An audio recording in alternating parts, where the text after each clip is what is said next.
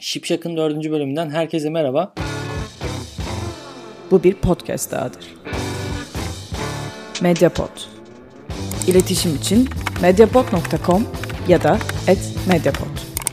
Bundan önceki bölümde enstantane yani perde hızı nedir sorusuna değinmiştik. Bu bölümde de ISO bileşenini inceleyeceğiz. O zaman hemen başlayalım. Nedir ISO? Dijital sistemler ilk çıktıkları zaman ISO ile ASA ya da DIN kavramları özdeş kabul edilmişlerdir. İşlevleri bakımından ikisini aynı kabul edebiliriz.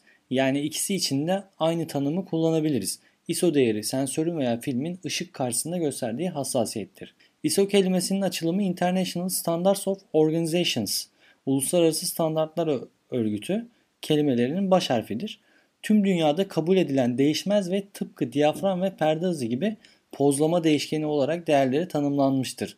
Analog makine dönemlerinde ise ASA yani American Standards Association, Amerikan Standartlar Enstitüsü veya DIN dediğimiz Deutsche Institut für Normung, Alman Standartlar Enstitüsü. Bu arada Almanca okuyamamak nedir onu da anlatmış olduk az da olsa.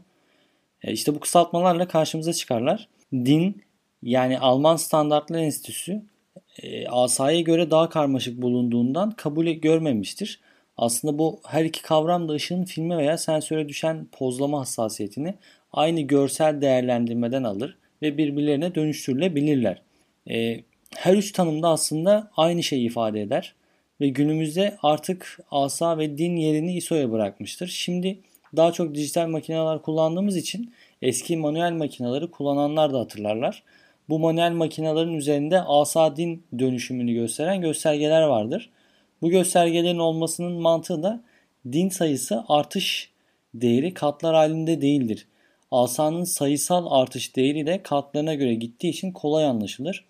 Buna bir örnek verirsek asa 100 değerindeyken dın 21'e eşittir. Asa 200 değerindeyken de dın 24'tür. E, ISO bir pozlama değişkenidir fakat diğer iki değişken olan perde ve diyaframa göre daha pasif konumdadır.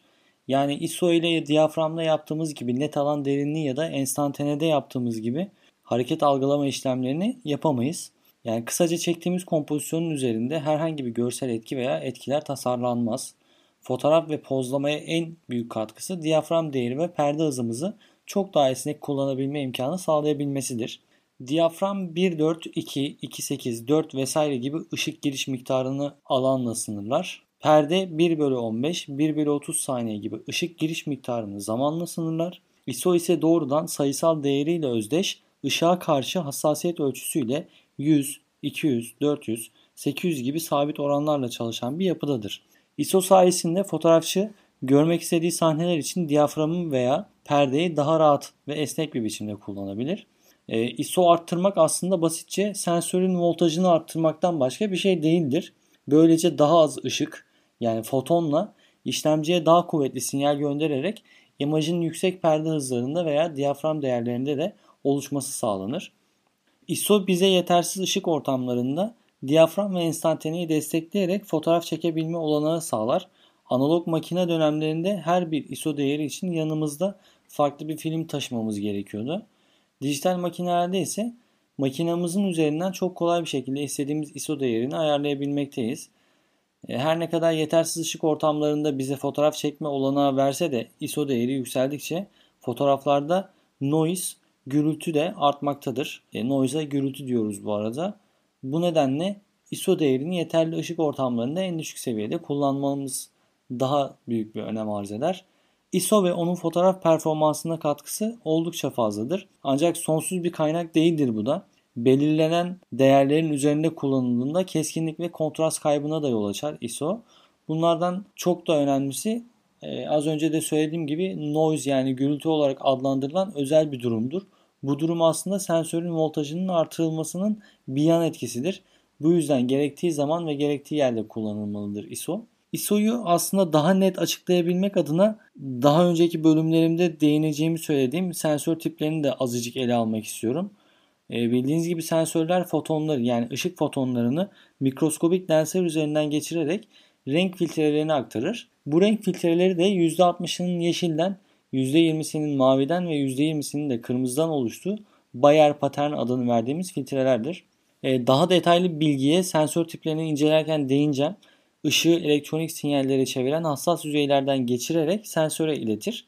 Yani aslında bu yüzeyde renkler voltaj değerine dönüşerek bizim görüntüyü ekranlarımızdan görmemize yardımcı olur. Son olarak da noise'dan bahsetmiştik az önce. Bunu ve grain dediğimiz iki terimi açıklayıp bölümü sonlandıracağım. Çünkü genellikle ISO'nun neden olduğu bir durumdur bunlar. E, ISO'yu arttırdıkça teknik olarak sensörün voltajını arttırdığımızı söylemiştim.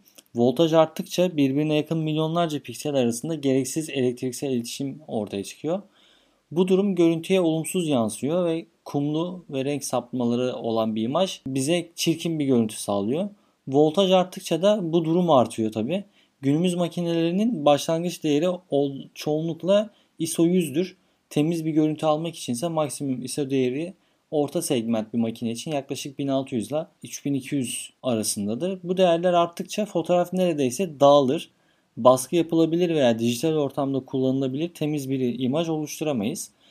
Bu değer toplasanız 4-5 durak olmasına rağmen sensör ve işlemci teknolojisinde oldukça yüksek altyapı ve yatırım gerektirir. Bu bir podcast dahadır. Mediapod. İletişim için mediapod.com ya da @mediapod. Kısaca noise bu demektir. E, peki grain ne demektir? Hemen onu da açıklayalım. Filmli makinelerde oluşan bu kavram genellikle yanlış kullanılıyor. Fotoğrafçılıkta noise yerine kullanılıyor.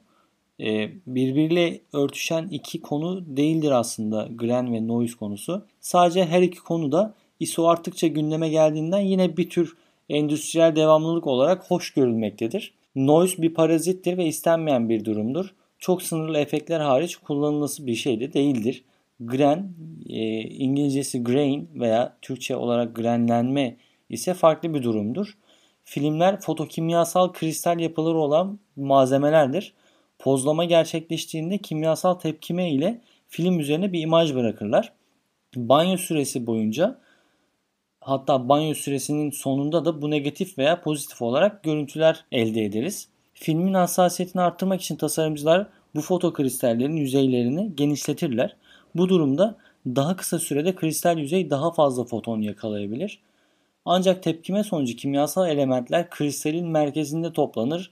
Doğal olarak kristaller de büyüdüğünden görüntüyü oluşturan noktacıklar arasındaki mesafeler açılır. Bunu biz kumlu ve karlı dediğimiz görüntü şeklinde görürüz. Bu görüntü bazı kompozisyonları hatta günümüz dijital makineleriyle çektiğimizde bile özellikle ilave ettiğimiz efektler olarak kullanılabilmektedir. Kısacası grain tanımı da bu şekilde. E, bu bölümle de temel fotoğrafçılıkta en yaygın kullanılan 3 fotoğrafçılık terimini sonlandırmış bulunuyoruz. Diyafram, enstantane ve ISO. Bundan sonraki bölümlerde lensler üzerine konuşarak onlar hakkında detaylı bilgilere yer vermek istiyorum. O zaman bu haftalık bu kadar diyelim. Şipşak'ı dinlediğiniz için teşekkür ederim. Bir sonraki programda görüşmek üzere. Medyapod'u desteklemek için patreon.com slash medyapod.